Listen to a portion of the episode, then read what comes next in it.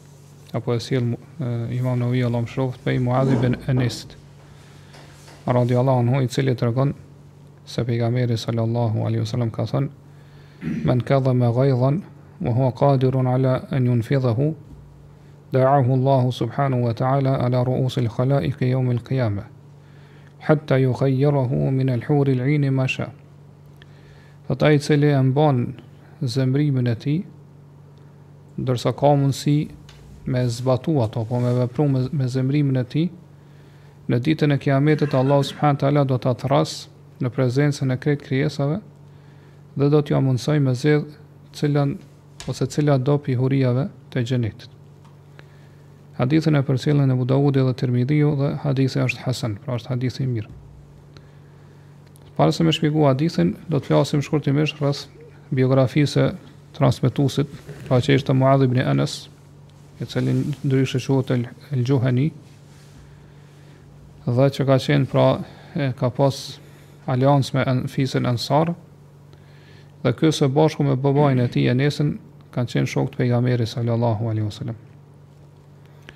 Dhe pra mas vdekjes pejgamberit sallallahu alaihi wasallam ka shku me jetu në Egjipt dhe në Sham.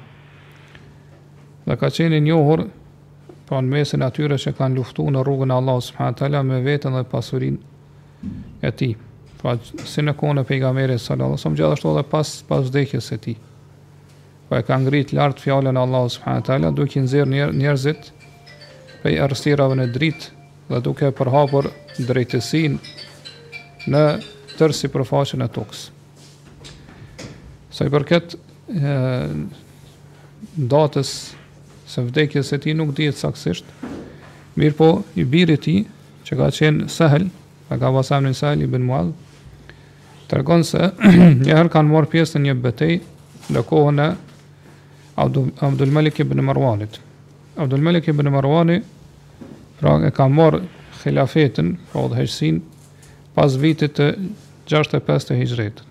Prandaj kjo nënkuptohet që ky ka vdek pas këtij viti, mirëpo saktë se në cilën vit ka vdek nuk dihet.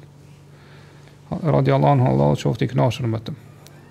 Dhe pra ky hadith po na tregon se ja fal tjerëve kur ke mundësi do thot mu hakmar ndaj tyre. Kjo është për karakteristikave dhe është për tipareve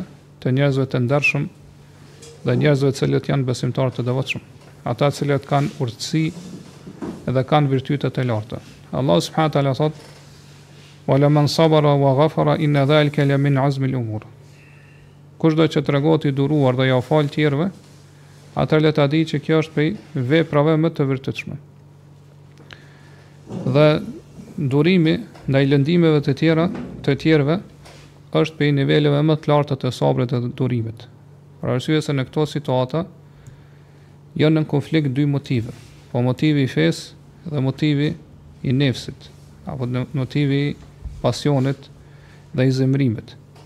Dhe sa i përket pra faktorëve që ndikojnë dhe që e sjellin lëndimin e njeriut prej tjerëve, pra njeriu nuk ka këtu në dorë diçka, nuk ka zgjedhje ose mundësi që mi ndalu të tjerët mos me, mos me ofendu ose mos me lëndu. Mirëpo njeriu, ka në dorën e tij, pra ka në zgjedhjen e mundësin e ti që me largu zemrimin. Pra me largu zemrimin e tij përmes durimit, përmes tolerancës, duke tregu ndjesë dhe falje ndaj tjerve, edhe duke përmbajtur këtë zemrim. Për arsye se, pra Kur njeriu lëndohet prej tjerëve qoftë përmes fjalëve apo përmes veprave, pra veprimeve të tjerëve apo kur dikush e sulmon atë, apo e sulmon pasurinë e tij e kështu me radhë, nganjëherë mu tregu i durueshëm ndaj këtyre lëndimeve, pra mos me kërku kompenzimin që takon, nganjëherë është obligative, e nganjëherë është vetëm prej virtyteve të larta në islam. Për këtë arsye, sahabët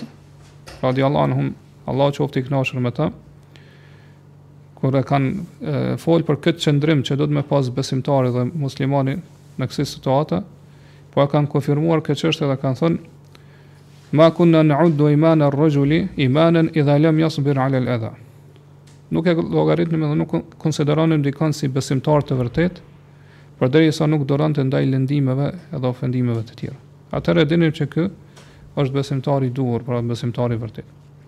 Dhe Allah subhanahu taala tregon për të dërguarit dhe pasuesit e tyre, prej popujve, popujve të mëhershëm që i kanë pas çdo lloj lëndime ose ofendime prej popujve të tyre, Allah subhanahu taala tregon se pasi i kanë marrë kërcënimet prej tyre,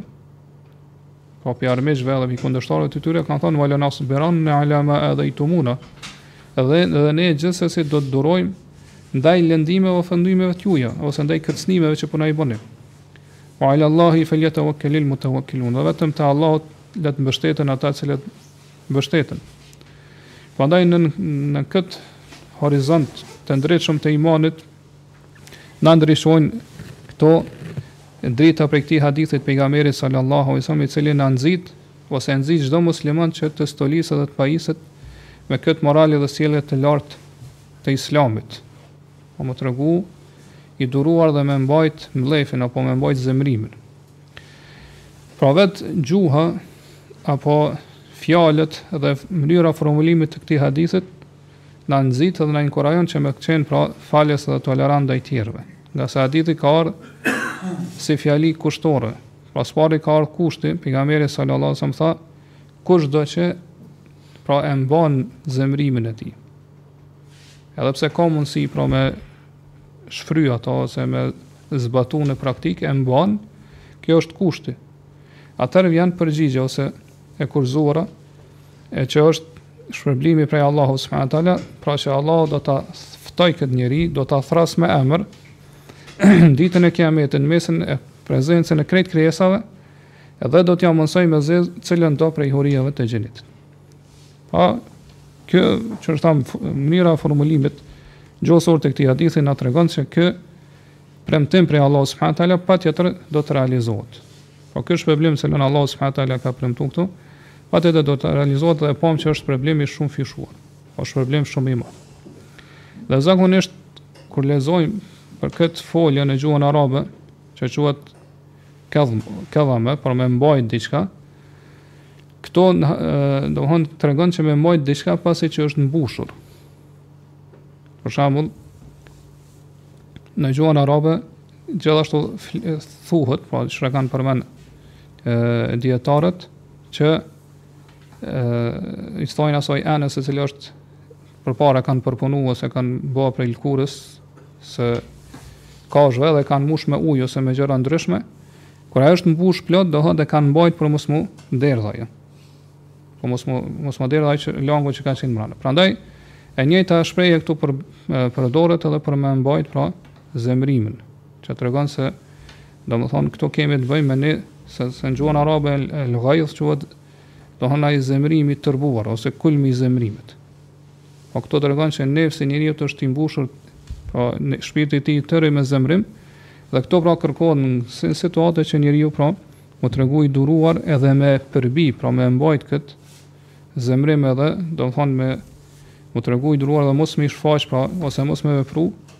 me atë që e fton ose kërkon zemrimi prej tij.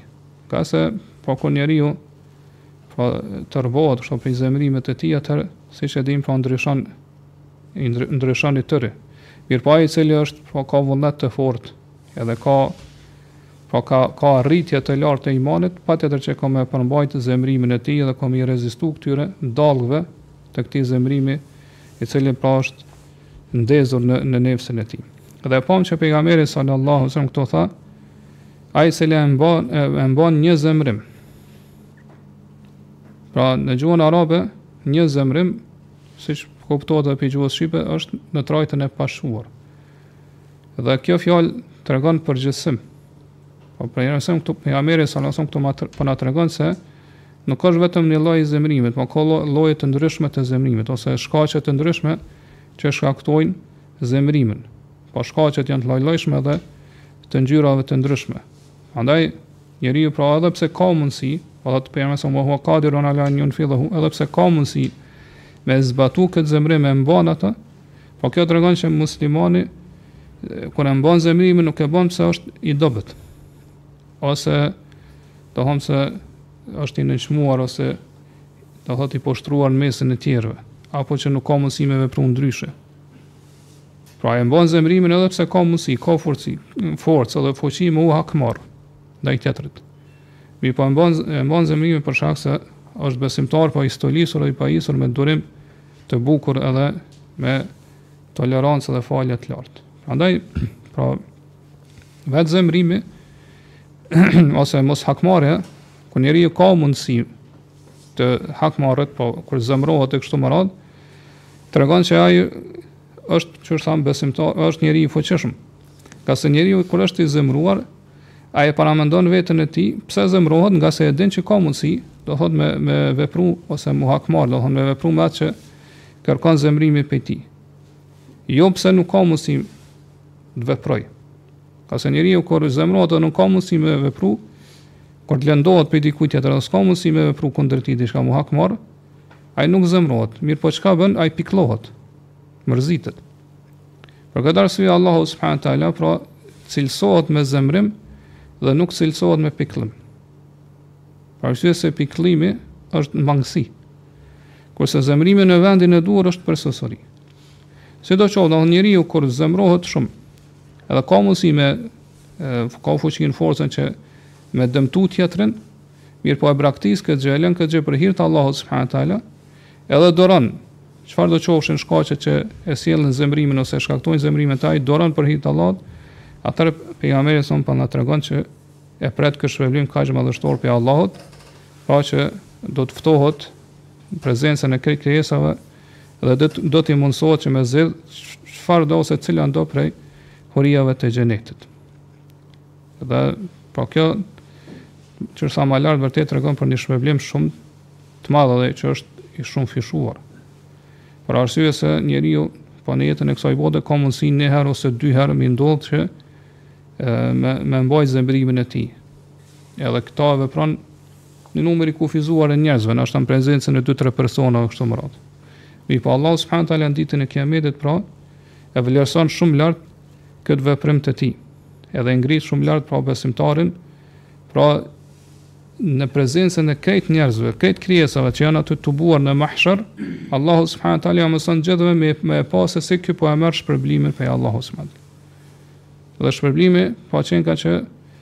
Dhe zgjedh çfarë dëshiron, cilat dëshiron prej hurijave të xhenetit. Kjo që ka ardhë ma shë e, çfarë dëshiron tregon që ka mundësi zgjedhje të shumta. Jo vetëm një prej hurijave, mirëpo sa don prej hurijave dhe cilat don prej hurijave të xhenetit. Pra, vërtet, kjo është një shpërblim shumë madhështor edhe kompenzim që tregon se çfarë lloj shpërblim Allah s.a. ka përgatit për gjithë ata të cilët pra ndërtojnë ura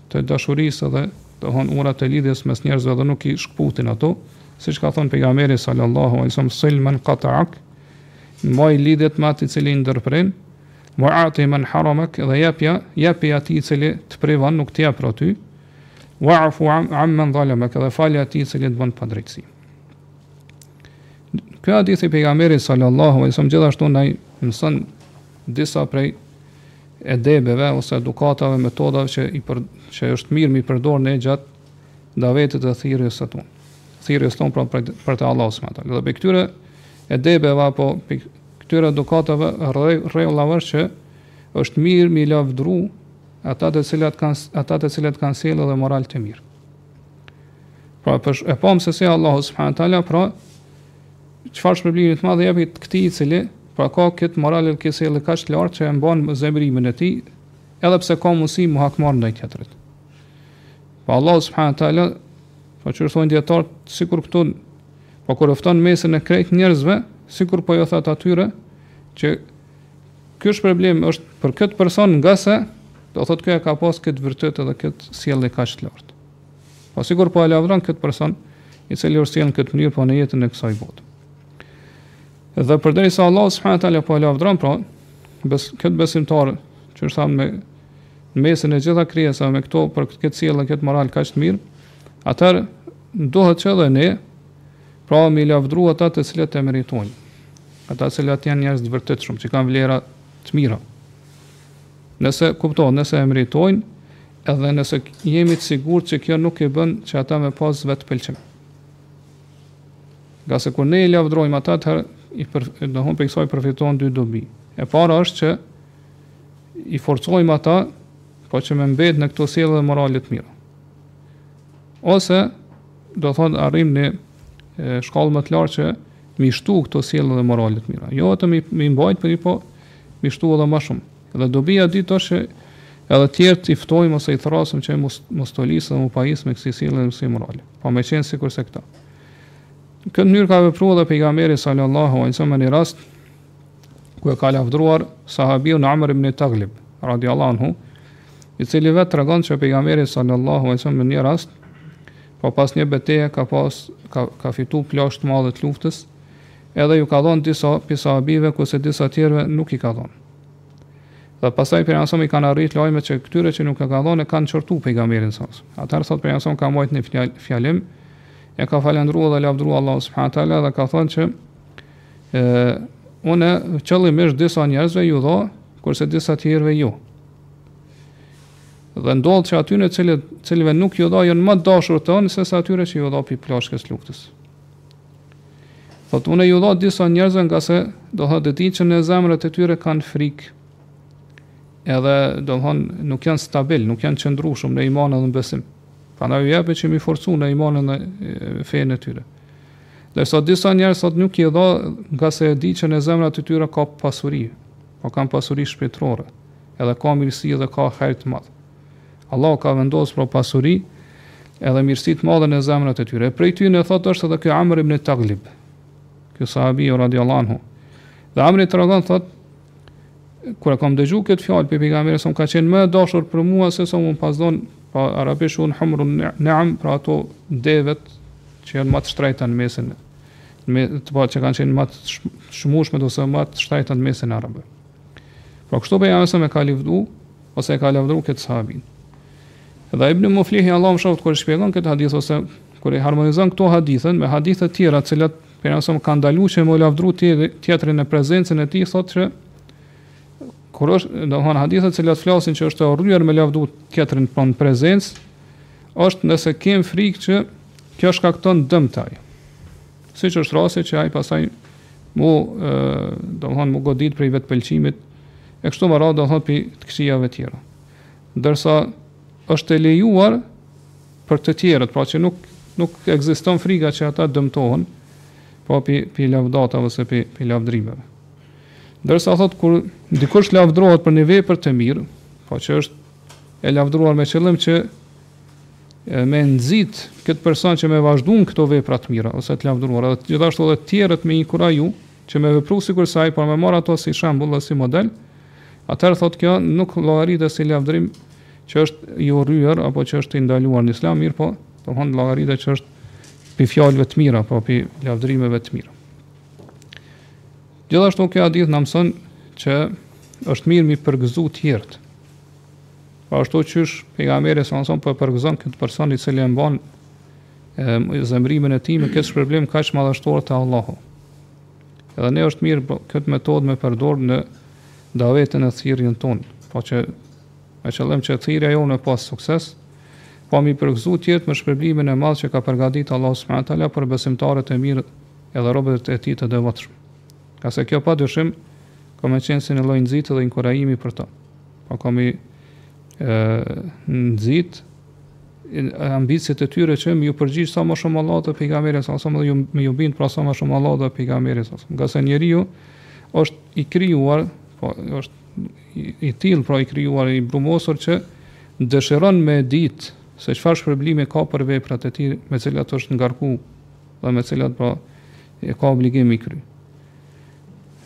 Prandaj pra përmes kësaj metode ne i nxisim ata të cilët janë besimtarë të mirë dhe të devotshëm që me i shtu pra adhurimin dhe gjithashtu të tjerë të cilët janë neglizhent edhe kam kanë mangësi domethënë në këtë aspekt që i pra i thrrasim që ose i tërheqim që me me, me hi mbrenda kësaj e hapësire pra të bindjes adhurimit edhe praktikimit të fesë Gjithashtu kjo hadith i pejgamberit sallallahu alejhi wasallam na mëson që është mirë pra ne si muslimanë dhe si thirrsa për te Allahu subhanahu teala s'pari vetes po edhe të tjerëve me jau shpjegu vlerën e mbajtjes së zemrimit. Qysh edhe po na shpjegon pejgamberi sallallahu alejhi wasallam n'këtë hadith, për këtë shpërblim kaq të madh që Allah subhanahu teala ka përgatitur për për këtë person, pra që Allahu qysh e thamë ma lart E lavdëron në mesin e krejt krijesave në këtë mënyrë. Pra ja mundëson që në mesin e krejt krijesave me marrë shpërblimin edhe me marrë pra kompenzimin e tij. Pra ja mundëson me zgjedh cilat, cilat do prej hyrijave të xhenetit. Prandaj dijetarët thonë që realisht kjo hadith i pejgamberit, salallahu alejhi selem është si hadith i cili po ka, e, na tregon po në kuptim të dytë Që ky person ka me arrit grada shumë të larta të xhenetit. Po përderisa Allahu po po e lartëson n'mesin e krejt krijesave, po ja mundëson me zgjedh këtë shpërblim kaq të madh, atëherë ka me arrit, domethënë, në shkallë shumë të lartë të xhenetit. Pse domethënë e meriton këtë shpërblim, për arsye se, thot ai cili e mban zemrimin e tij, realisht ka arrit me imposht, edhe do thot, me ngadhnjy ndaj, impulseve të hakmarrjes që e fton pra drejt tyre nefsi i tij. Pra ka arrit ato faktorët e hakmarrjes që janë në nefsin e tij, i cili e urdhëron për të keqen, është i prirur nga e keqja, pra me imposht edhe me ngadhnjy ndaj tyre. Nuk ju ka përgjigj thirrjes së tyre, pra është ngrit, është lartsu më lart se sa, domethënë me dhon përgjigjen e hakmarrjes ose përgjigjen e sulmit ndaj tjetrit, edhe kështu pra është ngrit deri në nivelin e, qysh e thamë, durimit, sabrit, tolerimit ndaj këtyre ofendimeve edhe lëndimeve, dhe prandaj kjo person llogaritet prej atyre i cili e ka bë, e ka luftu me nefsin e tij. Dhe domethënë kjo luftë ndaj nefsit të tij e ka shty ata që me arrit këto grada kaq t'larta, këto shkallë kaq kaq t'larta. Prandaj pejgamberi sallallahu alejhi wasallam çka thot n'hadithin tjetër,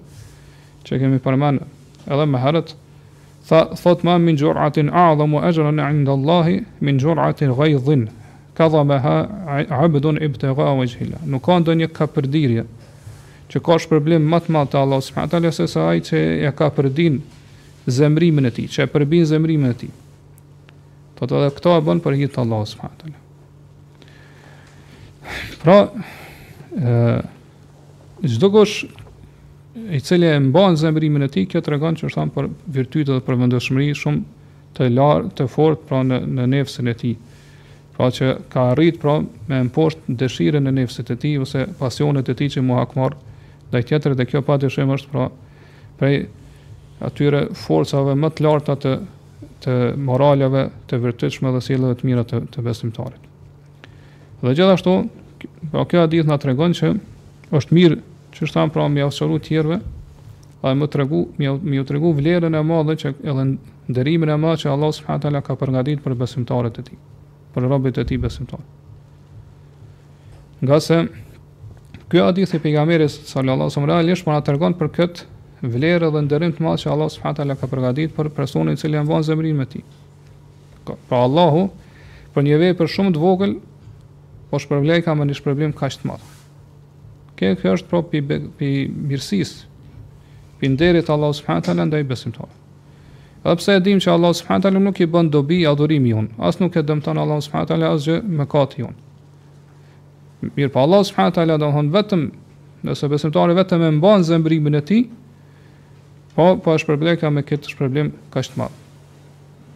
E si do të ishte nëse njeriu pra përveç që e mban pra zemërimin e tij dhe ja fal krejt tjetrit. Apo përveç që ja fal, shkon edhe më tutje, edhe sillet do thot mirë më ndaj tij. Tregohet pasaj bamirës ndaj tij. Pa dyshim që shpërblimi te Allahu subhanahu teala do të jetë më i madh. Pra, edhe pse mbajtja e zemërimit qenka një vepër shumë e rëndë për nefsin, Mirëpo kur të peshohen veprat, pra vlerësimi i veprave, nuk mund të themi që mbajtja e zemërimit të arrin këtë shpërblim kaq të madh që Allah subhanahu teala ka përgatitur për të. Mirëpo këtë kjo është që thamë si nderim edhe mirësi prej Allahu subhanahu teala për këtë person. Prandaj pejgamberi sallallahu alajhi wasallam në një rast ju ka thënë sahabeve që askush prej juve nuk do të hyjë në xhenet për shkak të veprave të tij. Sahabët i kanë thonë as ti i dërguari i Allahut, ka thonë as unë. Përveç nëse Allahu më mbulon dhe më përfshin me mirësinë dhe mëshirën e Tij. Prandaj Allahu subhanahu wa taala i ka thënë vetë pejgamberit sa ue kane fadlullahi alejke adhima. Vërtet mirësia e Allahut ndaj teje është shumë e madhe. Kështu pra vazhdojnë hadithet e pejgamberit sallallahu alajhi wasallam me na shpjegu neve dhe me na tregu që zemrimi e për, e përmbledh të gjithë sherrin, të gjithë të keqen. Edhe e hedh njeriu pra në humnerat e devijimit dhe në ato iluzionet e gënjeshtrës. Dhe ka mundësi që nëse zemrimi po ose dëshira për t'u hakmarrë që vjen si rezultat i zemrimit zë vend në nefsin e njeriut dhe zemrën e tij, atëherë me ia shkatrru atij dhe me ia prish të gjithë jetën. Edhe me ba do thot ndasi mes tij dhe mes të afërmve të tij. Pra, siç e kemi shpjegu dhe e përmendëm edhe më zemrimi e shty njeriun që me vepru marrëzira.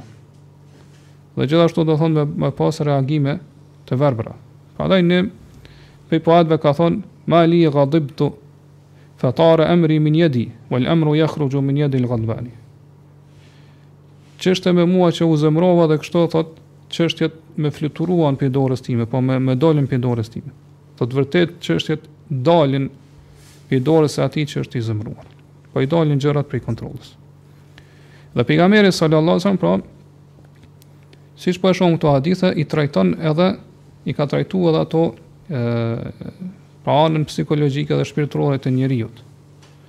Po çdo smundje që e ka godit, që e godet njeriun prej smundjeve psikologjike ose shpirtërore që janë brengat ose mërzit ose vesveset ose kur njeriu ndihet pra i mposhtur nën presion apo kur ndihet që është ju ka bërë padrejtësi, apo ka depërtu te ai, pra humbja shpresës, e kështu me radhë, gjithashtu edhe dohon zemrimin.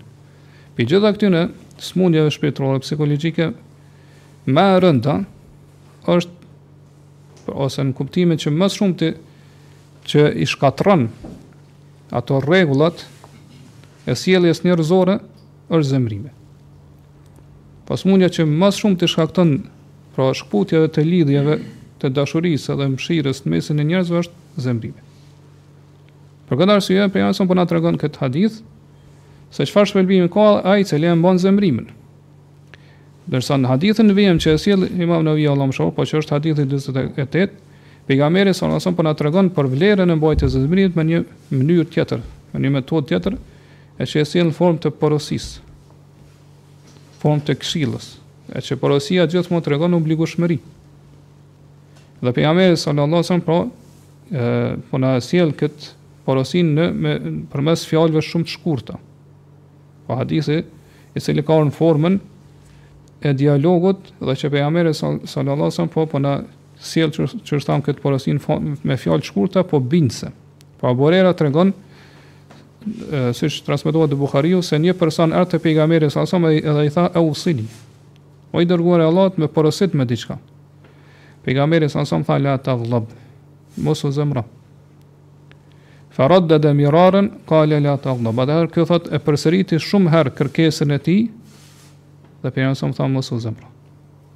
Pasi që ky ka thonë më porosit diçka, Pejgamberi gjithmonë ia ka kthy të njëjtën përgjigje, pra i ka thonë, mos u zemëro. Kush ka qenë ky person, nuk po përmendet në hadith. Kur ia ka thonë këtë, kur ia ka parashtru këtë kërkesë Pejgamberit salallahu, ose në cilin vend, në cilën kohë, me çfarë qëllimi, ose cila ka qenë pra arsyja, e kshtu me radhë, këto janë, pra janë, ndoshta pytje që na lindin në mendjen tonë, mendjen tonë, kur e dëgjojmë këtë Porosi të përgjithshme të Pejgamberit sallallahu alejhi ve sellem i cili po ka dëshiruar me shëru këtë smundje ose këtë defekt që ka qenë te ky person. Dhe siç e dimë, pra, në gjendjen e këtij personi, ose gjendjes së tij përngjasojnë me miliona gjendje të tjera, shpirtërore që janë tek njerëzit, në çdo kohë dhe çdo vend. O po ka me miliona njerëz që dohon bien pre e zemrimit të tyre. Prandaj pra, nuk ka qenë e rëndësishme në këtë hadith kush është ky person. Patjetër me ditë, ngase nuk është kjo, do thonë çështje personale, individuale që ka të bëjë me këtë person, mirëpo është çështje e përgjithshme që do thonë kjo porosi vlen për të gjithë.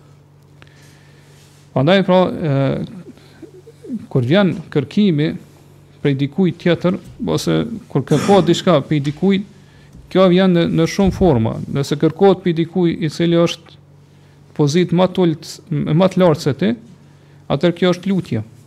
Siç po thot ky personi eusini, më porosit diçka o pejgamber i Allahut. Nëse vjen prej dikuj, i cili është pozitë më të lartë se ti, atër është urdhër, që patjetër do të me zbatu.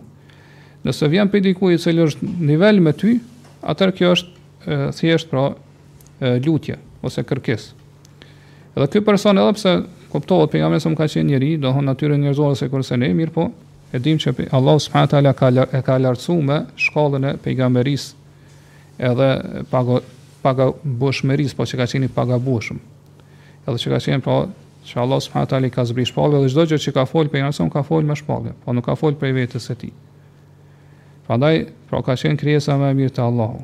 Për këtë arsye pejgamberi sallallahu alajhi wasallam po ja po ja jep porosin edhe do thot përgjigja e pejgamberit sallallahu alajhi wasallam ishte do thot përgjigje e shkurtër, mirëpo vendimtare, edhe bindëse që është thamë, e thanë formë të ndalesës, la tagdab, mos u zëmro. Ose kur ky personi, kur e dëgjoj këtë përgjigje të shkurt prej pejgamberit sallallahu aleyhi wasallam, Mendoi se ka ky ka ende nevojë për porosi tjera prej pejgamberit sallallahu alaihi wasallam. Mirpo ç'është tani pejgamberi e ka ditë se ku e ka ky problemin, e ka ditë ku e ka smundjen dhe defektin. Dhe gjithashtu e ka ditë se cila është ajo metoda e saktë për me trajtu dhe me shëru pra smundjen dhe defektin e tij, e që është me lan zemrimin, me braktis zemrimin. Ngase njeriu kur largohet prej zemërimit atëherë në këtë mënyrë e ruan edhe veten e tij edhe trupin e tij edhe shpirtin e tij. Për arsye se domethënë zemërimi ka ndikim negativ siç e kemi sqaru, edhe kemi do ta lexojmë edhe tash më poshtë si n si në shpirtin e njeriu po ashtu edhe edhe në trupin e tij. Pra ka pasojë edhe ka efekte anësore të rrezikshme. Po edhe edhe në aspektin fizik, po edhe edhe shpirtëror. Pra ka mundësi që njeriu ndoshta me u çuet drejt vdekjes. Apo pra ajo helmi i zemrimit m'u shpërnda edhe m'i godit ata të cilën të cilët jetojnë rreth tij. Po pasoja që këta ndoshta as nuk i paramendon. Dmth ka mundësi që për shkak zemrimit m'u nda familja, ose me shkput lidhjet farefisnore, apo m'i sulmu tjertë,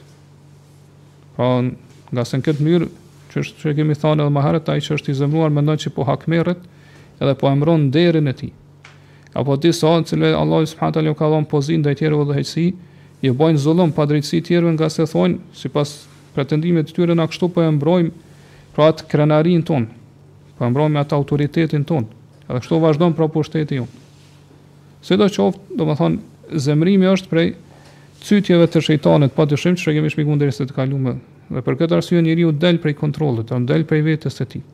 Edhe ose fol fjalë të kota ose vepron veprime të nënçmuara apo të ndaluara. Prandaj pejgamberi sallallahu alajhi wasallam po na porosit këtu që mos të zemrohemi, ngase braktisja e zemrimit sjell është çelës i çdo hajri. Dhe Ibn Hajar Allahu mëshiroft kur flet për zemrimin thotë Prej zemrimit, pra si rezultat i zemrimit vjen ndryshimi i gjendjes të jashtme edhe të brendshme të njeriut. Po në gjendjes të jashtme, siç e dim, thot, ndryshon ngjyra e tij, pra i skuqet ftyra, ose fillojnë pra të dridhen pra pjesë të trupit, apo do thot dalin prej tij veprime t'pakontrollume, Edhe tjetërsohet thotë pamja e tij. Saqë thotë ky i cili është i zemëruar nëse e kish pa veten e tij, masi t'i kalon zemrimi i kish ardh turp se në çfarë gjendje e ka sjell veten e tij, pa, pamjen e tij kur kur ka qenë i zemëruar. I kish turp, i kish ardh turp, turp prej vetes së tij se çfarë pamje të shëmtuar ka marrë gjatë zemrimit. Kjo kjo thotë është e jashtmja e tij. Derisa thotë sa i përket së brendshmes së tij, atëherë thotë gjendja e tij e brendshme e tij është shumë më e shëmtuar se sa e jashtme. Ka se në zemrën e tij thotë gjatë zemrimit lind ajo urrejtja, armiqësia edhe hasedi, zilia ndaj tjetrit. Edhe njeriu edhe pasaj thotë kë fsheh qëllime të këqija në zemrën e tij thotë që janë të lloj-llojshme. Pa, po, madje thotë e mbrendshmja e tij thotë është s'pari që shëmtohet thotë është brendësia e tij Kurse thotë pastaj ndryshimi i tij i jashtëm vjen si rezultat i i ndryshimit të brendësisë së tij. Këto thotë janë prej gjurmëve ose rezultateve që i sjell zemrimi në trupin e njeriut. Derisa sa i përket thotë rezultateve që i sjell në gjuhën e tij, thotë siç e dimë njeriu pastaj fillon t'i fyej t'i t'i shajë t'i ofendoj, fol fjalë të ulëta, që thotë njeriu i mençur kur i dëgjon këto fjalë thotë turpërohet. Aq fjalë të shëmtuara fol pra gjatë zemrimit. Edhe ky vetë që i fol këto fjalë thot pasi t'i kalon zemrimi dëm dëshpro domthon pendohet dhe i bie pishman pse ka fol domthon këto fjalë kur qetësohet prej zemrimit. Gjithashtu pasaj thot zemrimi si rezultat sjell edhe veprime, që siç thamë lart po ose i godet tjerët ose i vret. Edhe nëse arrin thot ai i cili është zemruar ndaj tij me ik prej tij, atëherë thot ky fillon me bo vepra, veprime të nënçmuara në ndaj vetes së tij, ose i shqyn thot rrobat, ose e godet kokën ose faqet, ose ka mundësi thot me ra pa ndjenjë apo m'i ra të fikt, apo m'i thy enët që i ka rreth tij pra gjërat, apo me godit dikon tjetër i cili s'ka kurrfarë faji në atë mes, po i kapet dikujt tjetër edhe godet. Prandaj thot kushdo që mediton rreth këtyre të këqijave edhe pasojave që i sjell zemrimi e din se çfarë vlere të madhe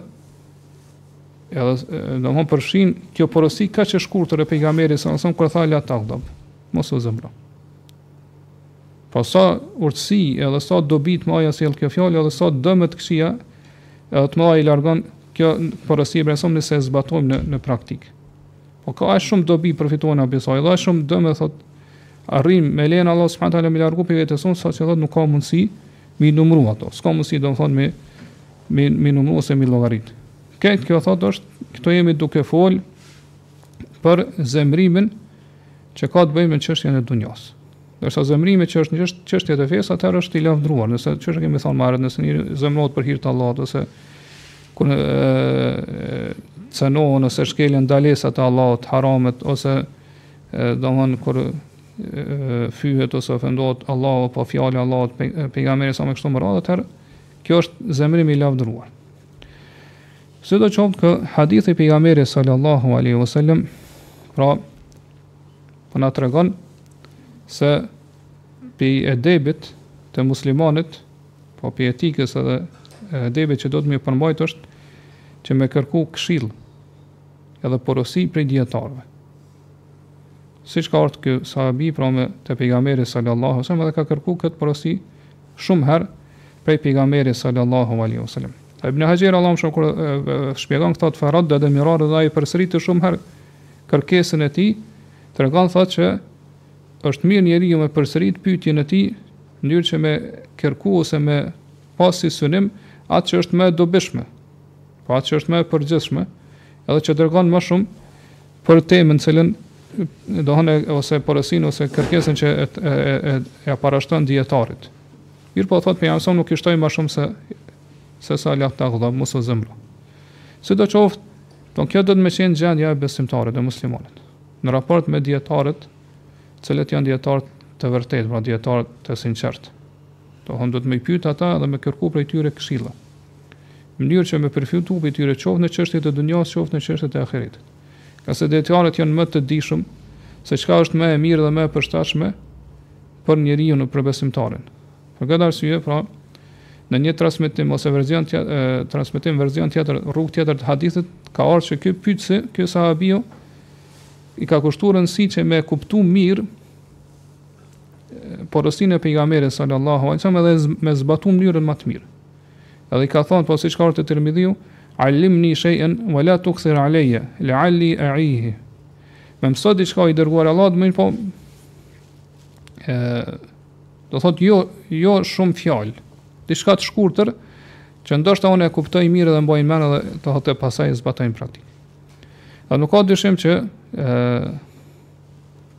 Porosia më e mirë që kërkohet prej dikujt ose këshilla më e mirë që kërkohet prej dikujt është ajo këshillë ose porosi që të largon ty prej zemërimit të Allahut, edhe me lejen e Allahut të fut në xhenetin e tij. Për këtë arsye ka ardhur në hadith tjetër prej Abdullah ibn Amrit ibn Asit, i cili e ka pyet pejgamberin salallahu alejhi ve selem ka thon çfarë më largon mua prej zemërimit të Allahut, o i dërguari i Allahut ka thon la taghdab, mos u zemëro ti vet. Po nëse ti nuk zemërohesh, Atëherë kjo është ve- vepër që të largon prej zemërimit të Allahut. Një pyetje e ngjashme me këtë ka thënë Abu Dardaja radhiyallahu anhu, i cili e ka pyet pejgamberin s.a. ka thënë më trego për një vepër e cila më fut në xhenet. Pejgamberi s.a. ka thënë la taghdab wala kal janna. Mos u zemëro dhe ke me pas si shpërblim xhenetin. Po kështu është duhet me qenë gjendja muslimanëve që prej dietarëve, qysh thamë që janë dietarë të mirë, devotshëm, të sinqert, gjithmonë me tregu për me kërku prej tyre që porosi dhe këshilla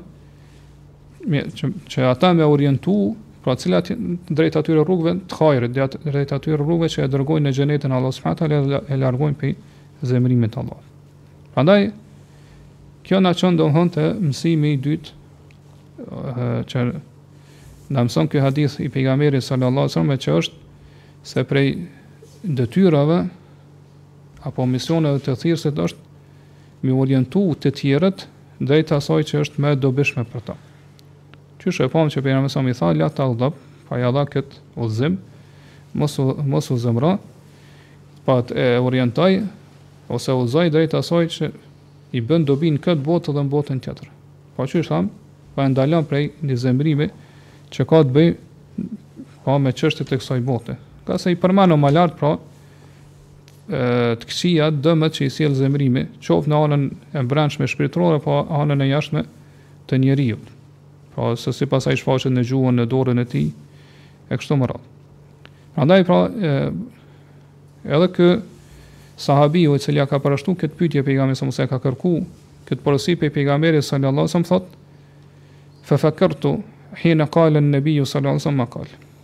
Pasi që m'ma tha pejgamberi s.a. këtë porosi, kam menduar thellë.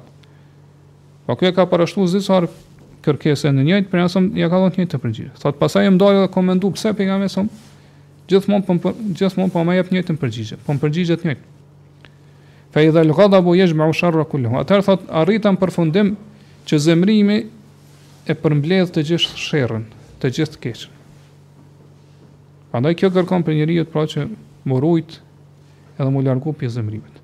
Dhe Ibn Rexhebi Allahu e mëshiroft na jep një shpjegim ë shumë të thuktë dhe të qartë se çka do të thot fjala e pejgamberit s.a. la taghdab, mos u zemro. Nëse dikush mundet me thonë që zemrimi është një pjesë e natyrës njeriut. Po njeriu me natyrën e tij zemrohet. Atëherë pse pejgamberi s.a. po ndalon prej zemrimit. Po kjo i ka thotë Ibn Rexhebi dy kuptime.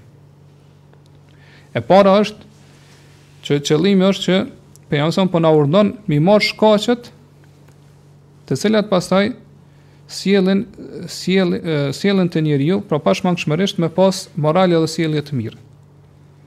Po nëse njeriu vazhdimisht është person fisnik, po me me virtyte të larta, me fisnikëri të lartë, po është bujar, jep, është i butë me tjerët, nuk është i ngutshëm, është i matur, ka turp, Po është i thjeshtë edhe modest. Edhe gjithmonë pra e, nuk i lëndon as vetë të tjerët. Po qoftë me gjuhë, qoftë me dorën e tij. Pra të, është i duruar, të, tolerant ndaj tjerëve.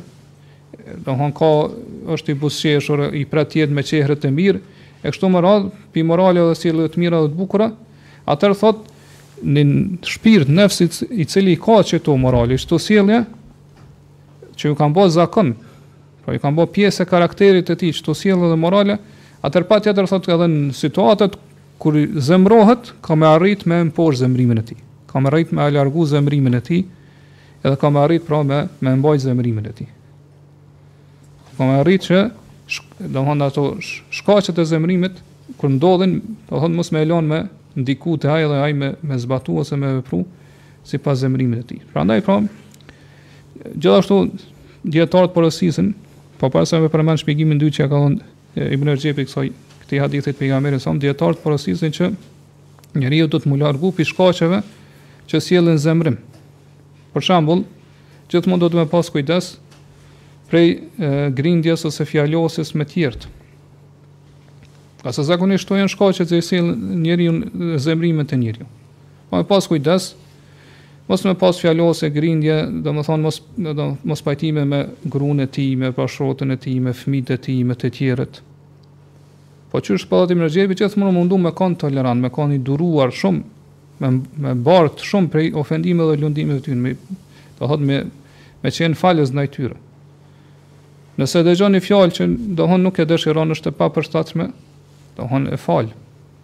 Tregon ndjesë ndaj tij. Nëse dikush gabon në adresë të tij, prapë e fal. Ka mundësi dikush që me, me të lëndu, e kështu më radhë, prapë tregohesh i duruar. Krejt kjo, do më thonë, është që me largu, me largu shkaqet që sjellin deri te zemrimi, para se me ardhë zemrimi. Dhe kuptimi i dytë që Ibn Rexhepi, Allahu e mëshiroftë, ja ka dhonë këti, këti, këti hadithi, pra mos u zemro, është për qëllim që e shpjeguam deri tash, po që njeriu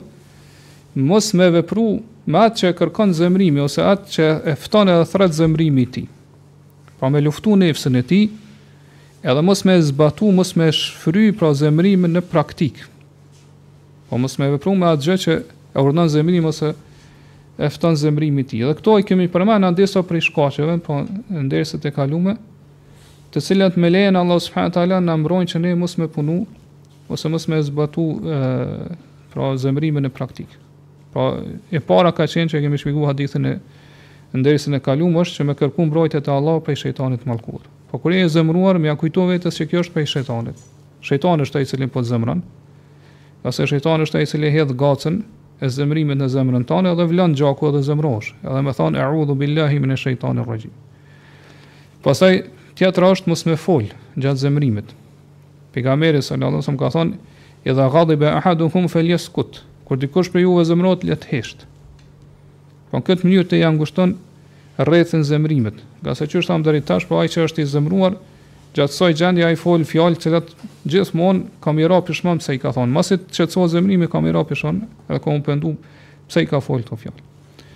E treta është që pejgamberi sallallahu alajhi wasallam e ka urdhëruar atë që është i zemëruar që nëse është në këmbë mu ul. E kemi përmend këtë hadith në dersin e kaluar. Nëse nuk të kalon zemërimi kur të ulesh atëherë mu shtri. Po ashtu ka në në hadithe të tjera që mu largu prej atij vendi, po me shku në vend tjetër ose edhe më mirë me shku me marr abdes.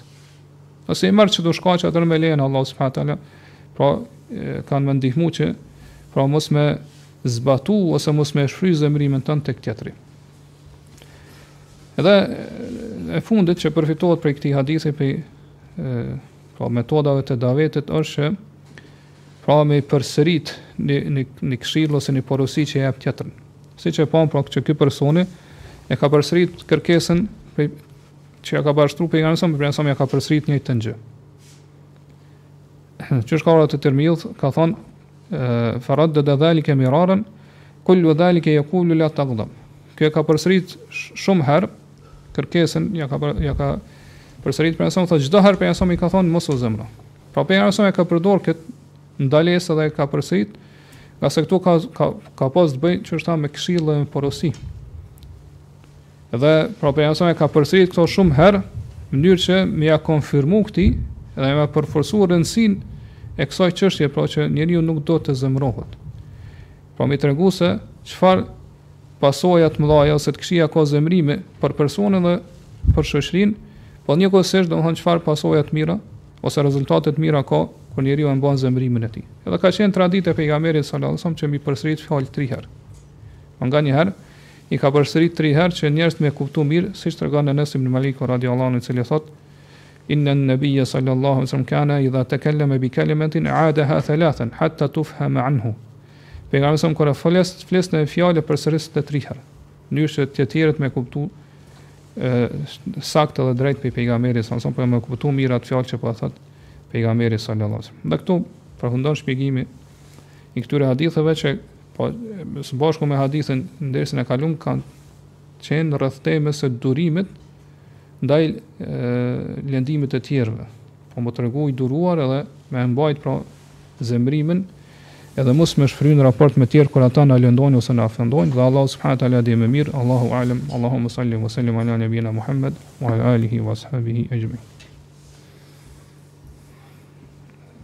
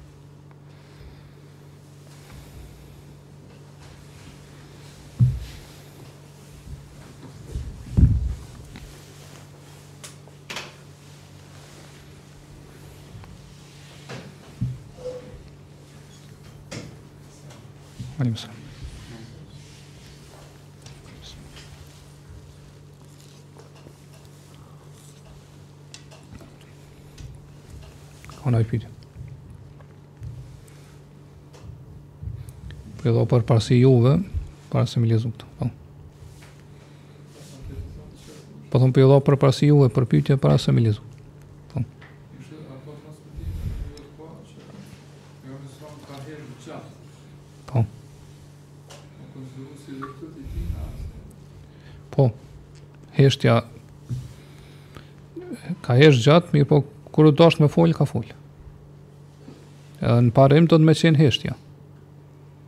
Domethënë te njeriu, jo të folurit. Se pejgamberi alejhi selam ka thonë, e, men sekete nexha. Kush hesht, shpëton. Ka shpëtuar. Kështu që duhet në parim besimtari me hesht. E me folë veç kur është e nevojshme, ose patjetër me folë. Kur është e nevojshme duhet me fol, jo me hisht. Këtë rast kur është e nevojshme duhet me fol. A mirëpo në esencë në parim duhet me qenë hishtja te besimtari. Saqë ka thonë Omer ibn Khattabi, ai që i shton fjalët, i shton gabimet. E ai që i shton gabimet, i shton gjynahet. Edhe ka thonë që shumica, po selefi ka thonë shumica e gjynaheve të njerit vijnë prej gjuhës së tij. E kjo tregon rrezikun e gjuhës. Domethënë te na është e kundërta. Te na dikush që hesht, ata i thonë, e prishi muhabetin, s'po fol hiç. Jo, domethënë, në, në islam është me hesht. E me folë është kur dohet, ose kur është e nevojshme.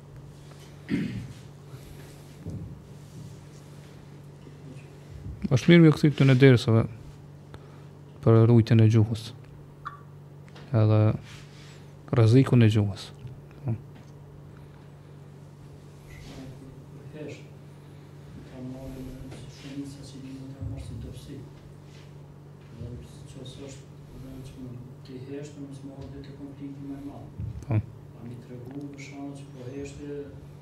po i tregon. Nëse ta marrin si dobsi, i tregon, domethënë nuk po heshti, pse nuk po, nuk po di, ose, po, Mirëpo, për mos marrë tani, domethënë, pasoja më të mëdha, po ishte, i tregon, e sqaron, domethënë, qëndrimet tona. Po.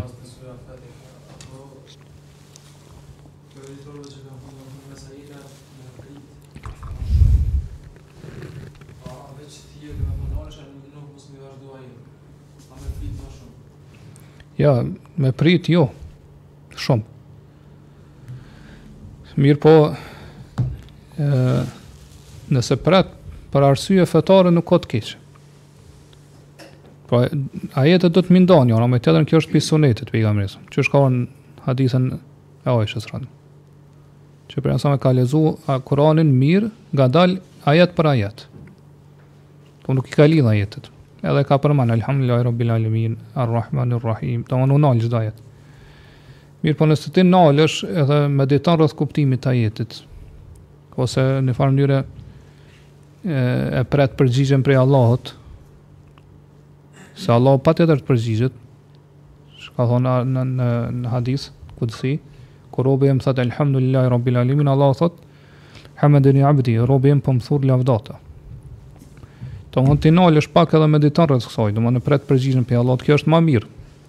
Edhe nuk nuk llogaritet që është ndalje ose heshtje e gjatë, se n'namaz nuk bën me pas heshtje, përveç nëse është në dobi të namazit ose është nëse është domethënë me arsye fetare siç është, është kjo. Do nuk prish punë shumë. Jo, kjo është si shembull u ardh. A qëllimi është në këto ajetet Pejgamberi a.s. i ka nda, nuk i ka lidhë. Edhe, edhe surën mas Fatihas. Domethënë nuk i ka nda ajetet. Mirëpo, këto i ka pru veç si shembull. Jo që veç në qëto tria është dispozita.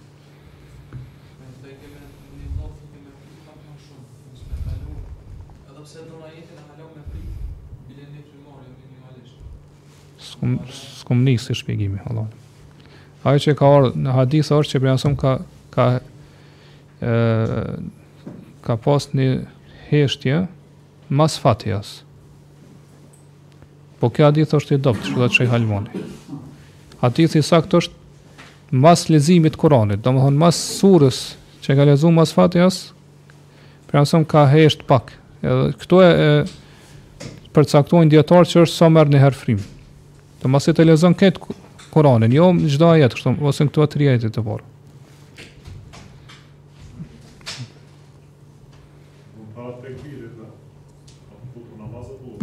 Për namaz, po. Para se me marrë tekbirin për ruku. Hesht sa, her, sa merr një herë frymë, ose nëse lexon sa, her, sa her, merr një herë frymë, dhe tani e merr tekbirin e bjen në ruku. Kjo është prej sunetit.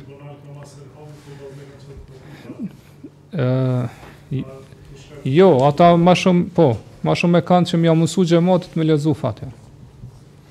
Se ai, ai, edhe që e ndalon, sikur të ishte hadithi sakt, nuk tregon që shumë, domosdo mundet m'u lexu Fatihaja. Po është ixhtihad prej tyne. Kurse shejh Albani thotë është bidat. Se s'ka argument në hadith. Po.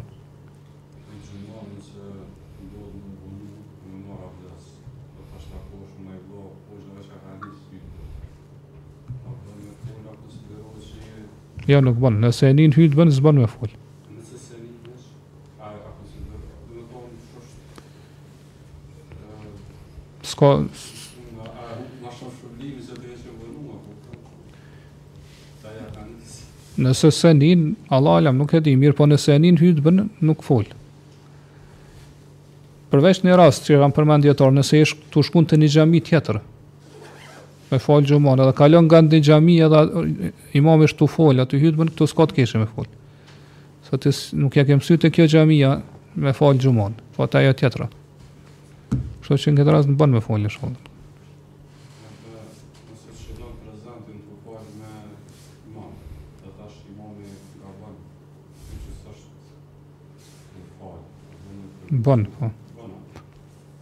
Bën s'prish kun. Përderisa bën ai që është në namaz, edhe ai që është jashtë namazit është më parësor me kanë leju. Qoftë në Kur'an, me ia përmirësu ai edhe nëse gabon ose edhe nëse gabon ë për shembull naj obligim ose për shembull s'e bën një, një shtyllë t'namazit ose gabon ose ose nganjëherë për shembull ka raste që nuk është i kthym ka kibla. E i thu kthehu ma n'djathtë, kthehu ma të majtë, nuk prish punë. Ose me shku vetë me e kthy. Kjo është në dobi të namazit të tij, kështu që s'prish punë.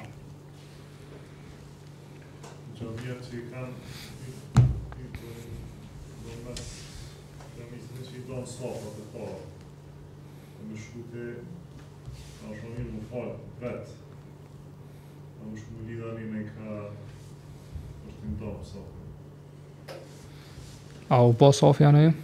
A je i pari ti që unë. Nëse ja ka nisë falu atje më mirë. Se me u falë vetë, ka mendim dijetarë që s't'pranohet namazi. A me u falë në saf t'ndamë namazi t'pranohet, veç është mekruh. Pra namazi është i pranuar, po është e papëlqyshme, me u falë në saf t'ndamë. Kështu që para e, prishjes s'namazit edhe mekruhit, do të m'i dhonë përparësi mekruhit.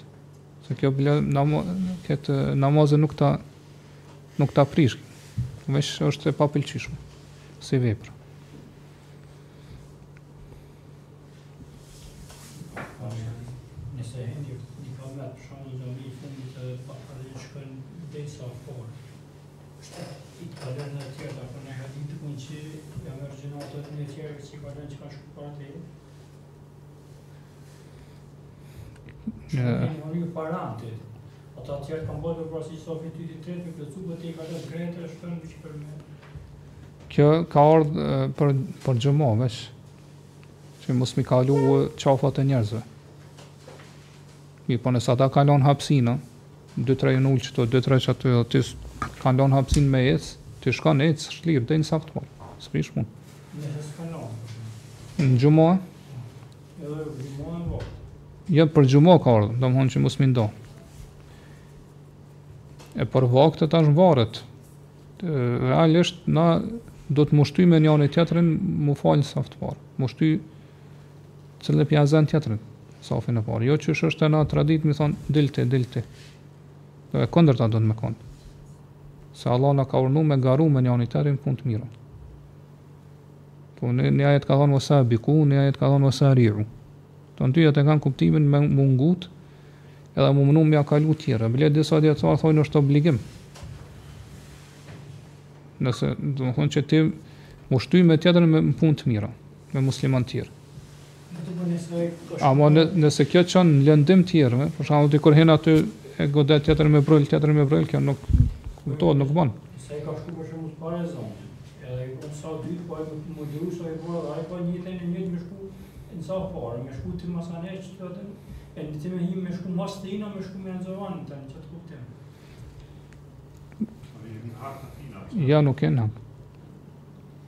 Se këto do të mu shty që, është amë cëllë e për me zanë saf, sa fërë. Nëse ke shku më vonë të po.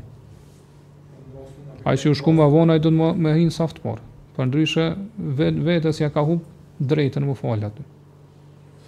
Disa për shembull shkojnë shumë herët n'xhami, falen në fund xhamisë. Ose që po thuti falen saftë dytë ose saftë tretë. Atëherë ai domethonë vetë ja ka hupë drejtën vetes që mu falë. Kështu që s'i ka faj kërkush.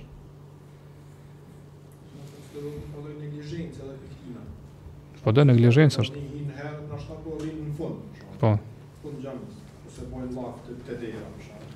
Po, tash këto dijetarët janë dy mendime, a, a, arrin ky shpërblimin e faljes saftë parë, apo jo.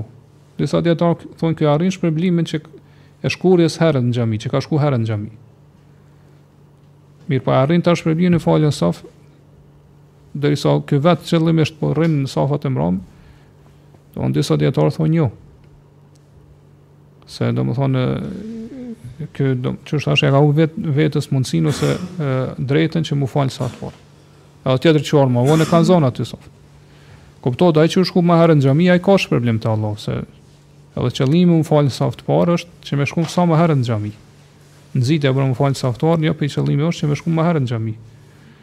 Po mos mos me mos me kon person që shkon vonë në xhami. Mirëpo n'anën tjetër ka hadithe të përgjithshme që vet falja në saftë parë ka shpërblim. Kështu që ai e merr shpërblimin që ka shku herët në xhami, mirëpo shpërblimin e, e caktuar që mu fal në, sa, në saftë parë, këto e, e humb. Po se po ja mundëson tjetrit me dëshirë ose po thon me ndonjë arsye tjetër që ai me ja zon venin. Kështu që ata që i vijnë më herët do të me shku n'saftë parë, jo me met mbrapa. Edhe nëse dikush vjen më vonë e ja zan, ata mos të fajsojnë kërkon veç veten e tyre.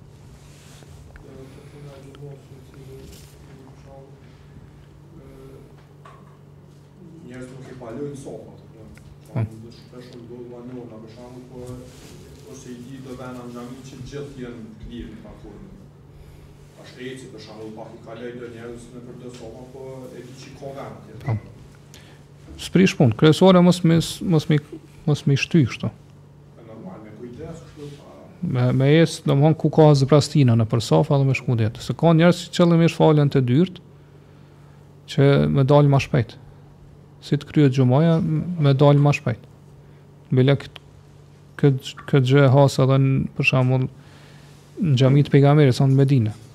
Nëse ju ju ju vjen rasti me shku shihni.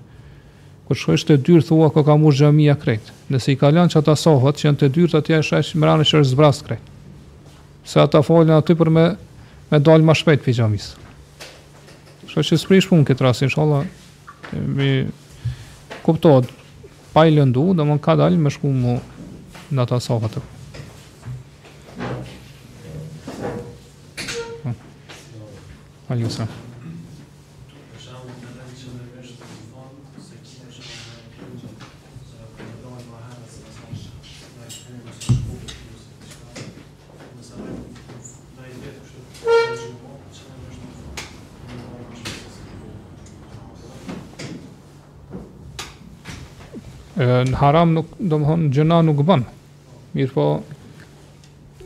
hum, i hum vetës shpërblime të shumta. A kështu gjynah nuk ka, veç nëse e bën vazhdimisht, kjo nuk është e mirë, se pejgamberi ka thonë, ka do njerëz që vazhdojnë me konë të, me të qëndru të fundit, dhe kështu Allah gjithmonë i lënë të fundit. Po kuptimi është që nuk, nuk i ndihman me shku përpara në, vepra të mira, në pun të mira. Se gjithë ata vinë të fundit dhe falen në safa të fundit. Nëse e bën tradit nuk bën, nëse është nganjëherë për ndonjë arsye s'prish punë shumë. A është e vërtetë që banorët e varrezave takohen me njëri tjetrin, me njëri tjetrin nëse janë prej xhenetlive? Kësaj pyetje i përgjigja në dersin e kaluem. Në të thashë që ka disa hadithe që Shejh Albani saktëson dhe që do ulema përmendin këtë gjë. Që kur besimtari vdes, Takohet, pra, shpirti i tij me shpirtat e besimtarëve që kanë vdekë më herët, edhe kur e pyesin, i pyesin pra për të gjallë që kanë mbetë këtu. Ça u bë me filanin, thotë ai hala ka mbetë në ato lodhjet edhe vështirësitë e dunjos. Po besimtari kur të vdes, që ka qenë besimtar i mirë dhe i devotshëm, ai lirohet prej brengave edhe vështirësive të kësaj bote. Për qata pi ngushëllimeve më të mira që i kanë dhënë që janë transmetu pi selefit është kur e kanë ngushëlluar njëri tjetrin ka thonë nëse i shikon ti me qat personin që të ka vdek me një burg ai ka dalë para tije pi burgut a ishe gëzu ti a ishe mërzit ka thotë isha gëzuar se në burg kurrkush s'ka qef me dalë thotë ai ka dalë para tije pi burgut dunjos Kështu që domethënë s'ki pse mërzitesh as të pikëllohesh, se ai ka shku domethonë pi burgut dunjas në gjërësin e ahiretit. Andaj edhe këta shpirtat e besimtarëve kur takohen atje edhe vesin për dikon thotë ai hala është tu marr me gajlet, me mërzit, me shqetësimet edhe brengat e dunjas. Për shkak të asaj ka thon besimtari kur vdes ose njerëzit kur vdesin, disa janë të rahatuar, e disa të tjerë janë të rahatuar pi tyne. Të rahatuar janë besimtarët. Domethënë që ai, ata rahatohen prej shqetësimeve dhe brengave të kësaj bote kur vdesin. Po shkojnë në një jetë, në botë ku s'ka brenga, s'ka shqetësime, s'ka gajle. Ndërsa të rahatuar prej tyre janë të tjerët. Po që kur vdesin ata, krijesat rahatohen prej tyre. Po njerëz mohues, zullumqarë, domethënë që kanë bo padrejtësi, e kështu me radhë. Kështu që, domethënë ka hadithe të sakta që e përmendin, bile e vesin, ça u bo me filanin, a u martu filani, ça u bo, domethënë edhe, edhe në detaj, kështu, rreth e, këtyre që kanë met gjallë.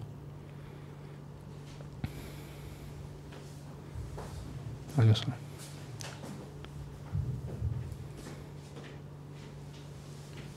Tha, po dal për davet me disa besimtarë teblig, çfarë me këshillon sipas argumenteve fetare, shkojnë nëpër shtëpia dhe përkujtojnë fort fjalën la ilahe illallah, përkujtimin e Zotit, shkuarjen në xhami e të tjera në varësi të rastit.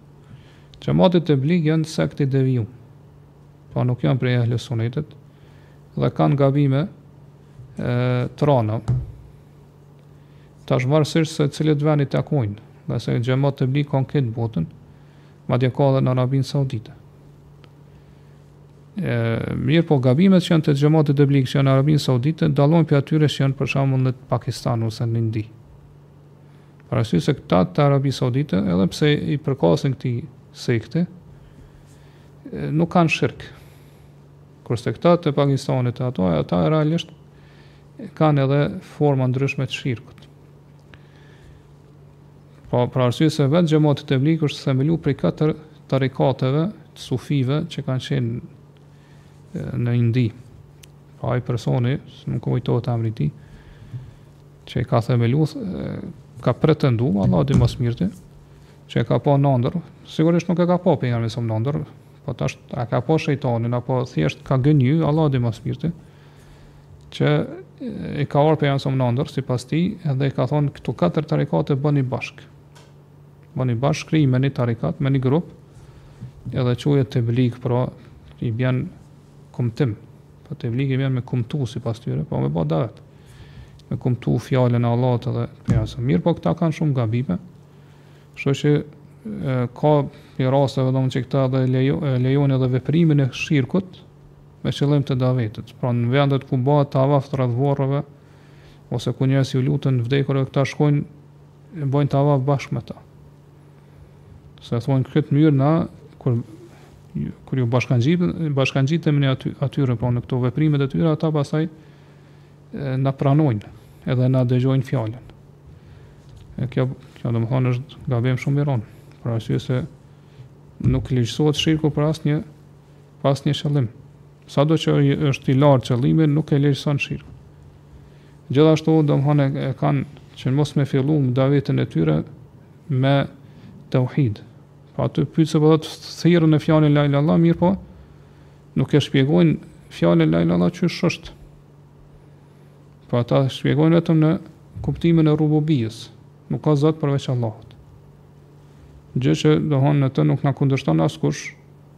Madje as prej feve tjera, këta thonë që është një zot.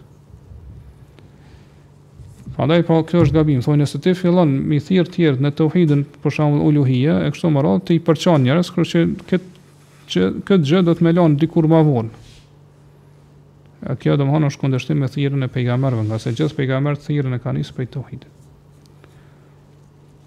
Gjithashtu kanë edhe disa bidate që i bojnë, në, për shembull që i caktojnë vetes 40 dit me dalë me ba davet.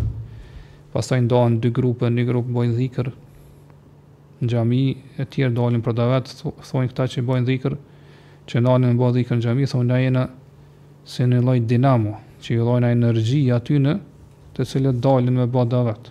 E gjëra domethënë që janë, nuk kanë bazë në sunetin e pejgamerit sallallahu alaihi wasallam. Prandaj pra këshilla është që mos mu përzi me ta me pas kujdes prej tyre, alhamdulillah. Domethënë ki ku e mson fenë, ki mënyra të ndryshme qysh me bë davet për fenë e Allahut subhanahu wa taala, nuk është patjetër me dal me ta.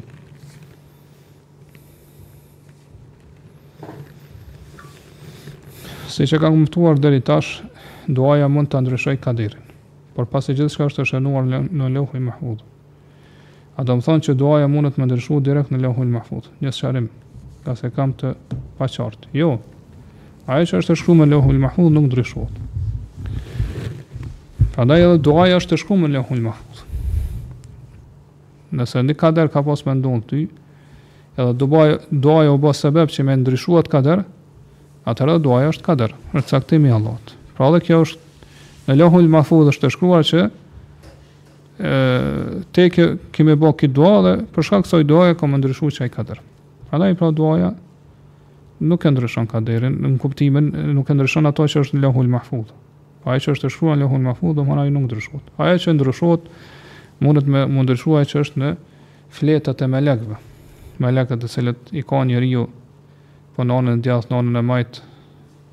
ose përpara kështu me radhë që i shkruajnë veprat e njeriut ose melekët që i shkruajnë se çka ka me ndodh brenda vitit pra prej natës së kadrit deri natën tjetër të kadrit.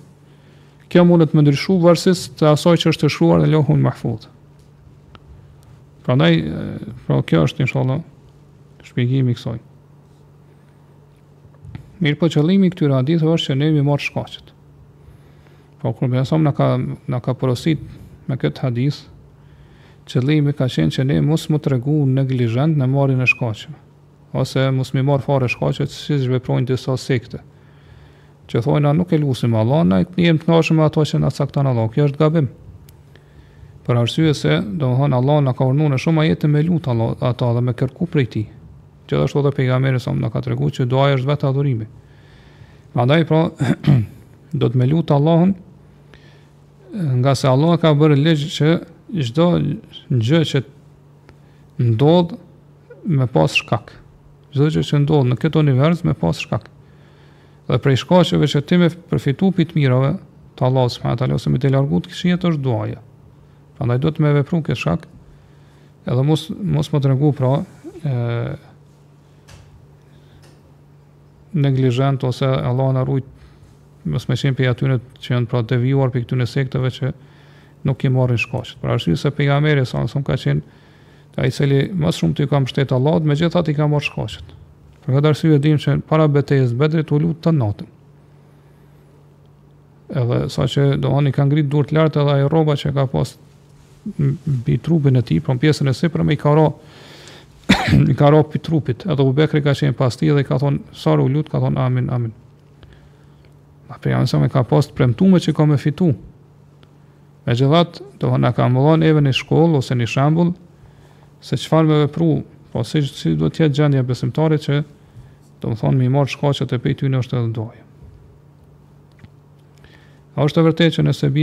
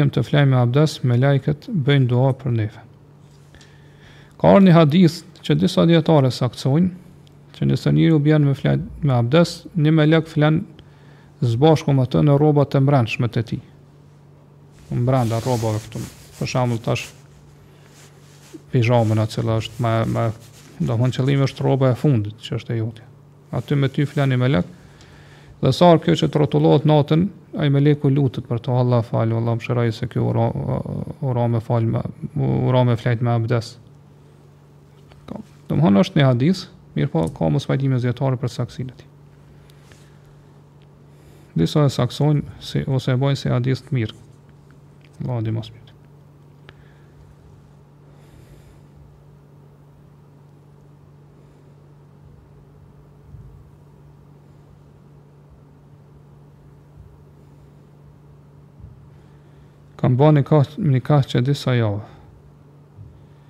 Para saj kam ba duanë e istihares dhe jam konsultu me njerëz. Tash jam shumë pishman në këtë vendim. Çdo minut, çdo minutë me të e shtyj me zor. A ka ndonjë arsye pse jam në këtë gjendje edhe pse kam, e kam falur istiharen. Kjo, Allahu e di ma s'mirti, po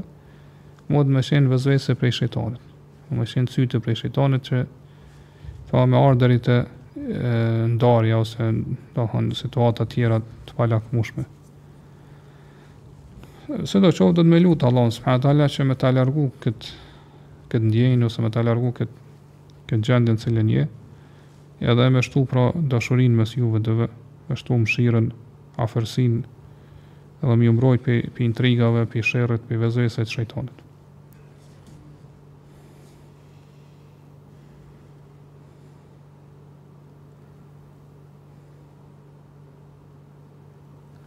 Motra më ka thënë se vajzës time do t'i blej një dhuratë të shtrenjtë për ditëlindjen e saj. Unë i thash që pse jo një ditë më herët ose më vonë se ditëlindja. Dhuratat për ditëlindje nuk i pranoj. E tash ajo po thotë edhe tjerëve që dhuratën e caktuar do t'ia jap ose blejë vajzës një ditë pas ditëlindjes. A më lejohet t'ia pranoj apo jo, kur dihet që ajo synim e ka për shkak të ditëlindjes së vajzës që po e blinë? Kjo e njëjtë është. Nëse ajo e ka bo me qet qëllim, edhe ti e din ose më më mirë pyte, A është për ditëlindje a jo? Nëse thot po, mos ja prano. Nëse thot nuk është për ditëlindje, thjesht po du dhuratë me i bo. Atëherë mundesh me prano. Edhe pse nëse ki dyshime të forta që e ka për ditëlindje, prap Allahu e di ma së miri po, mos ja prano. Nëse sprova është si shkak që i kemi marrë shkaqet a kemi mëkate. Po, inshallah. Kjo është pastrim pi pi atyne gjynaheve, pi atyne mëkateve që i kemi vepruar ti ose shkaqeve, se vetë shkaqet e gabuara pra që janë n'kundërshtim me fenë e Allahut subhanahu taala janë prej gjynaheve nëse i ke bo me vetëdije. Nëse i ke bo pa vetëdije, inshallah nuk ki gjynah. Mirëpo mund me qenë mësim për ty, që të mundesh herën tjetër me, me pyt ose me mësu para se m'i, m'i marrë ato shkaqe që me pas dije se çka na mëson feja rreth kësaj çështje e kështu me radhë. Domethënë edhe nga, nga ky aspekt mund me qenë si një lloj mësimi për ty ose kthimi, domethënë, me të kthy te feja, me kthy te Allahu, e kështu me radhë. Po gjithashtu edhe Mundet me qenë edhe pastrim për ato gjynahe.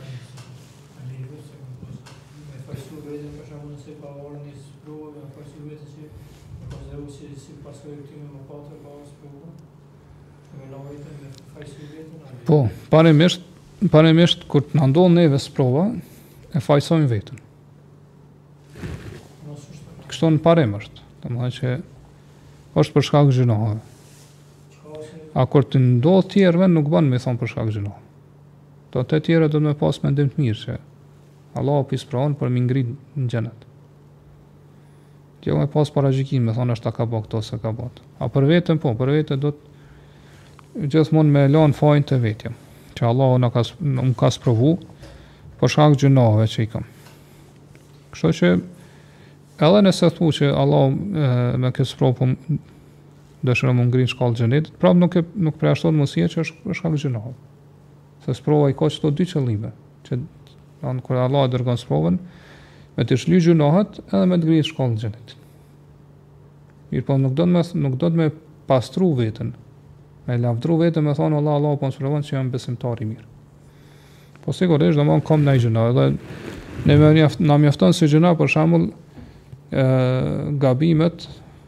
ose lëshime që i bojmë që i bojmë në farze. Pra që vetë farzet nuk i kryjmë qysh kërkon Allahu prej neve, për shembull. Ka ka mangësi aty ka të meta. Edhe sprova vjen me t'i shly edhe qato. E mos flasim tani edhe do gjynahe të tjera që i dimë që janë gjynahe që i bojnë.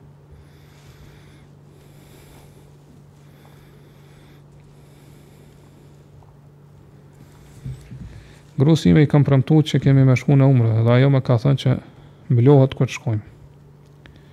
Pytja ime është, a po bojmë bidat në këtë gjë. Bidat nuk mund me thonë që është kjo bidat mirë, po e, problemi është që nuk bënë me shty mbulesën. Pra duhet me u mbulu sa ma herët me kry obligimin, ngase çdo ditë që gruaja del pa shami prej shtëpisë bën gjynah te Allahu. Kështu që pra muslimani duhet sa më shpejt me i zbatu urdhnat e Allahut subhanahu wa taala dhe me kry obligimet. A e fal Allahu shirkun e vogël nëse bëhet nga mosdija. Për shembull gjyshët tonë që kanë bë veprime këto nganjëherë, po nuk kanë pas dije.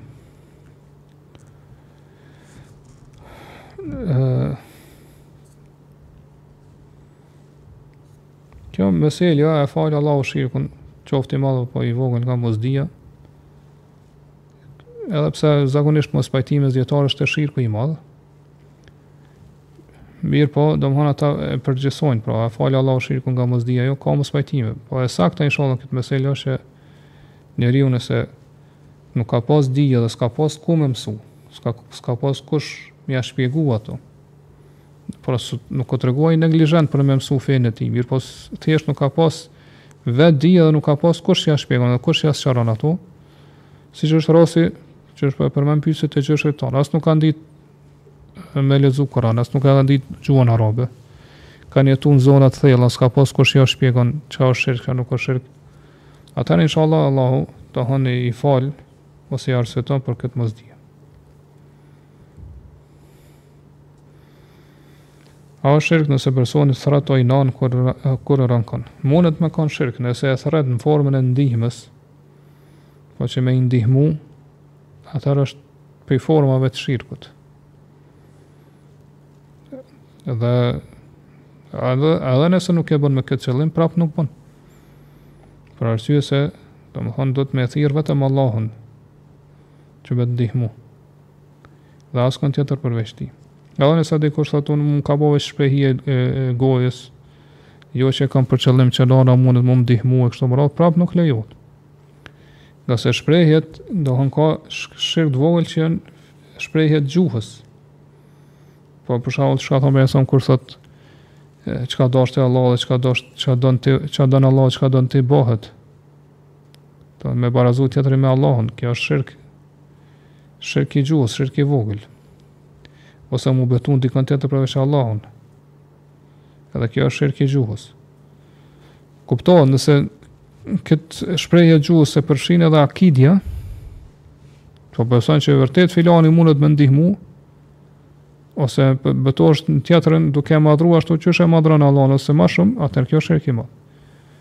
Mirëpo nëse nuk, nuk e shoqëron këta besimi, akidja, po thjesht është fjalë e gjuhës, atër hin te shirku i vogël që besimtari e ka obligim mu largu, ngase shirku i vogël është prej gjunaheve më të mëdha, ose është gjunahi më i madh prej gjunaheve të mëdha, nuk ka gjunah më të madh sesa shirku i vogël. Prandaj edhe edhe në këtë rast kur thotë oj nanë edhe nëse nuk e ka për qëllim me thirr nënën me ndihmu prap nuk bën. Ngase hyn te shirku i vogël.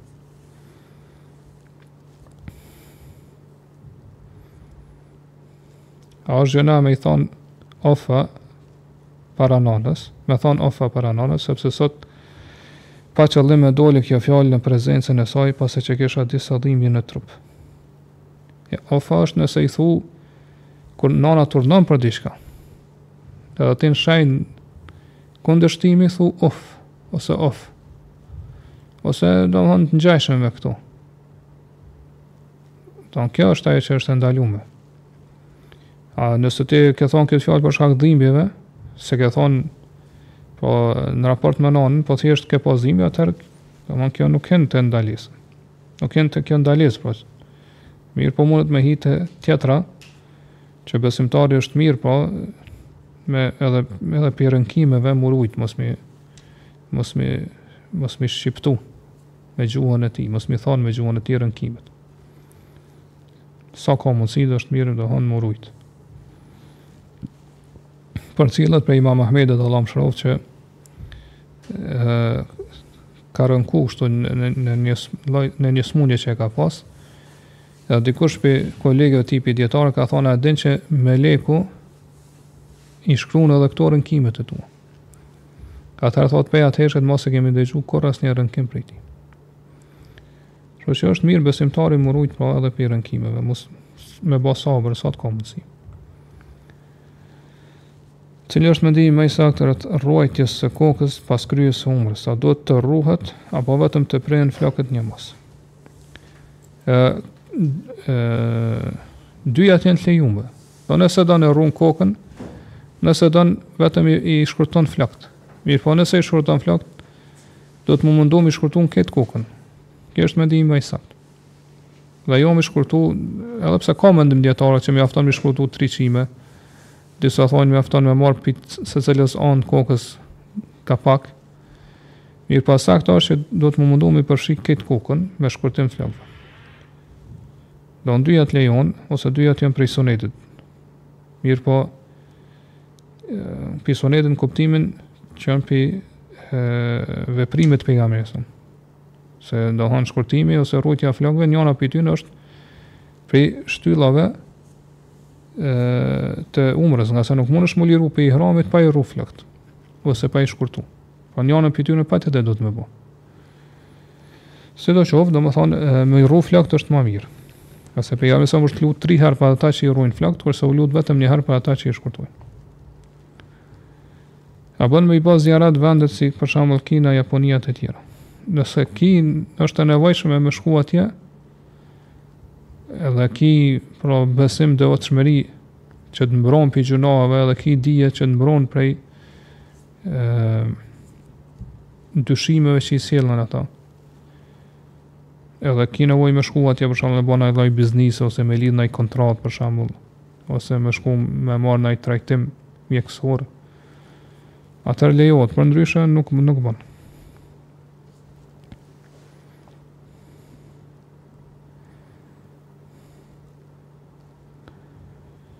A bën me thonë duan për mbrojtje nga shirku që është në mburojën e muslimanit në teshehudin e fundit para selamit, qoftë në farz apo në sunet. Po, para selamit, sipas mendimit ma t'saktë dijetarëve, lutesh me, cila, me çfarëdo lloj lutje që dëshiron.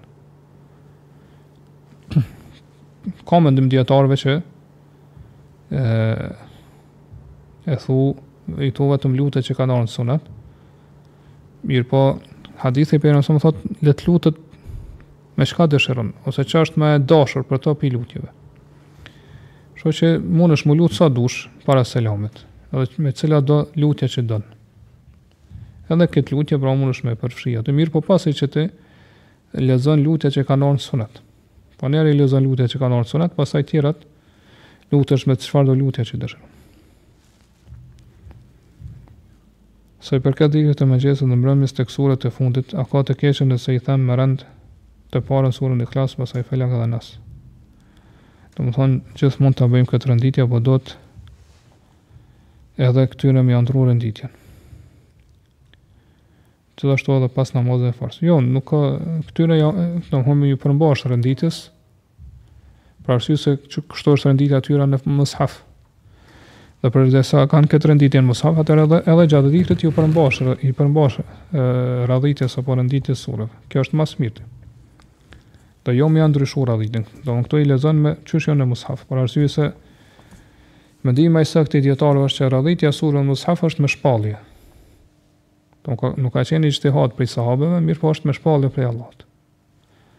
Dhe për këtë arsye është mirë që sa ma shumë që mundemi këtë radhitje mos me ndryshu. Edhe gjatë dhikrit edhe gjatë namazit e kështu me radhë.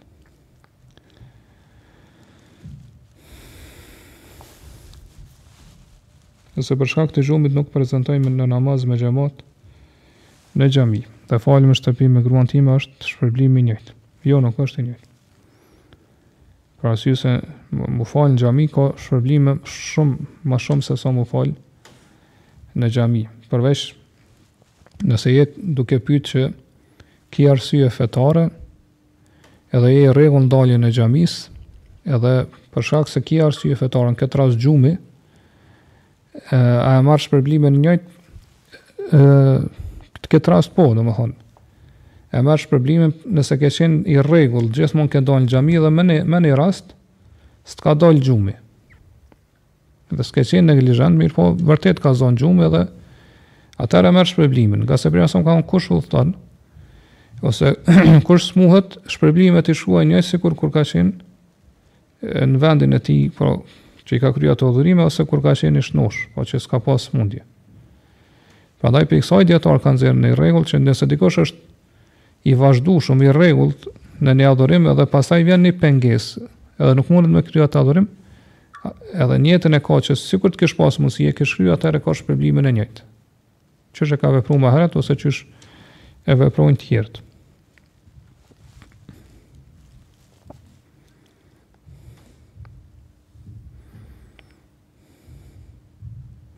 A lejohet urojmë njëri-tjetrin xhuma në ditën e xhumasë. Dijetarët kanë tregu, po siç ka dhënë fetva shejh Feuzani, që kjo është bidat. Për me urru ditën e xhumës është bidat prej bidateve, për arsye se nuk u transmetu prej pejgamberit sallallahu alejhi wasallam as prej sahabeve që e kanë urru ditën e xhumës, siç është transmetu për Bajram.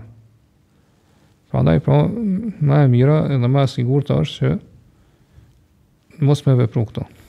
Po mos me urru njëri-tjetrit ditën e xhumës. A ka mendime që edhe zëri i gruas është avrat? Nuk e di, Allah alem.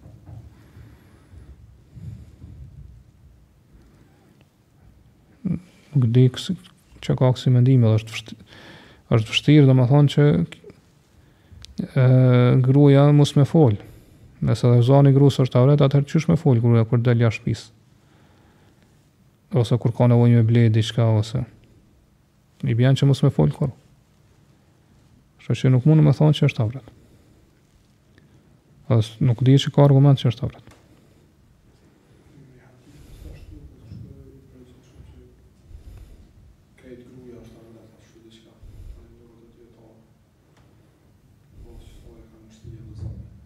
Allah alem.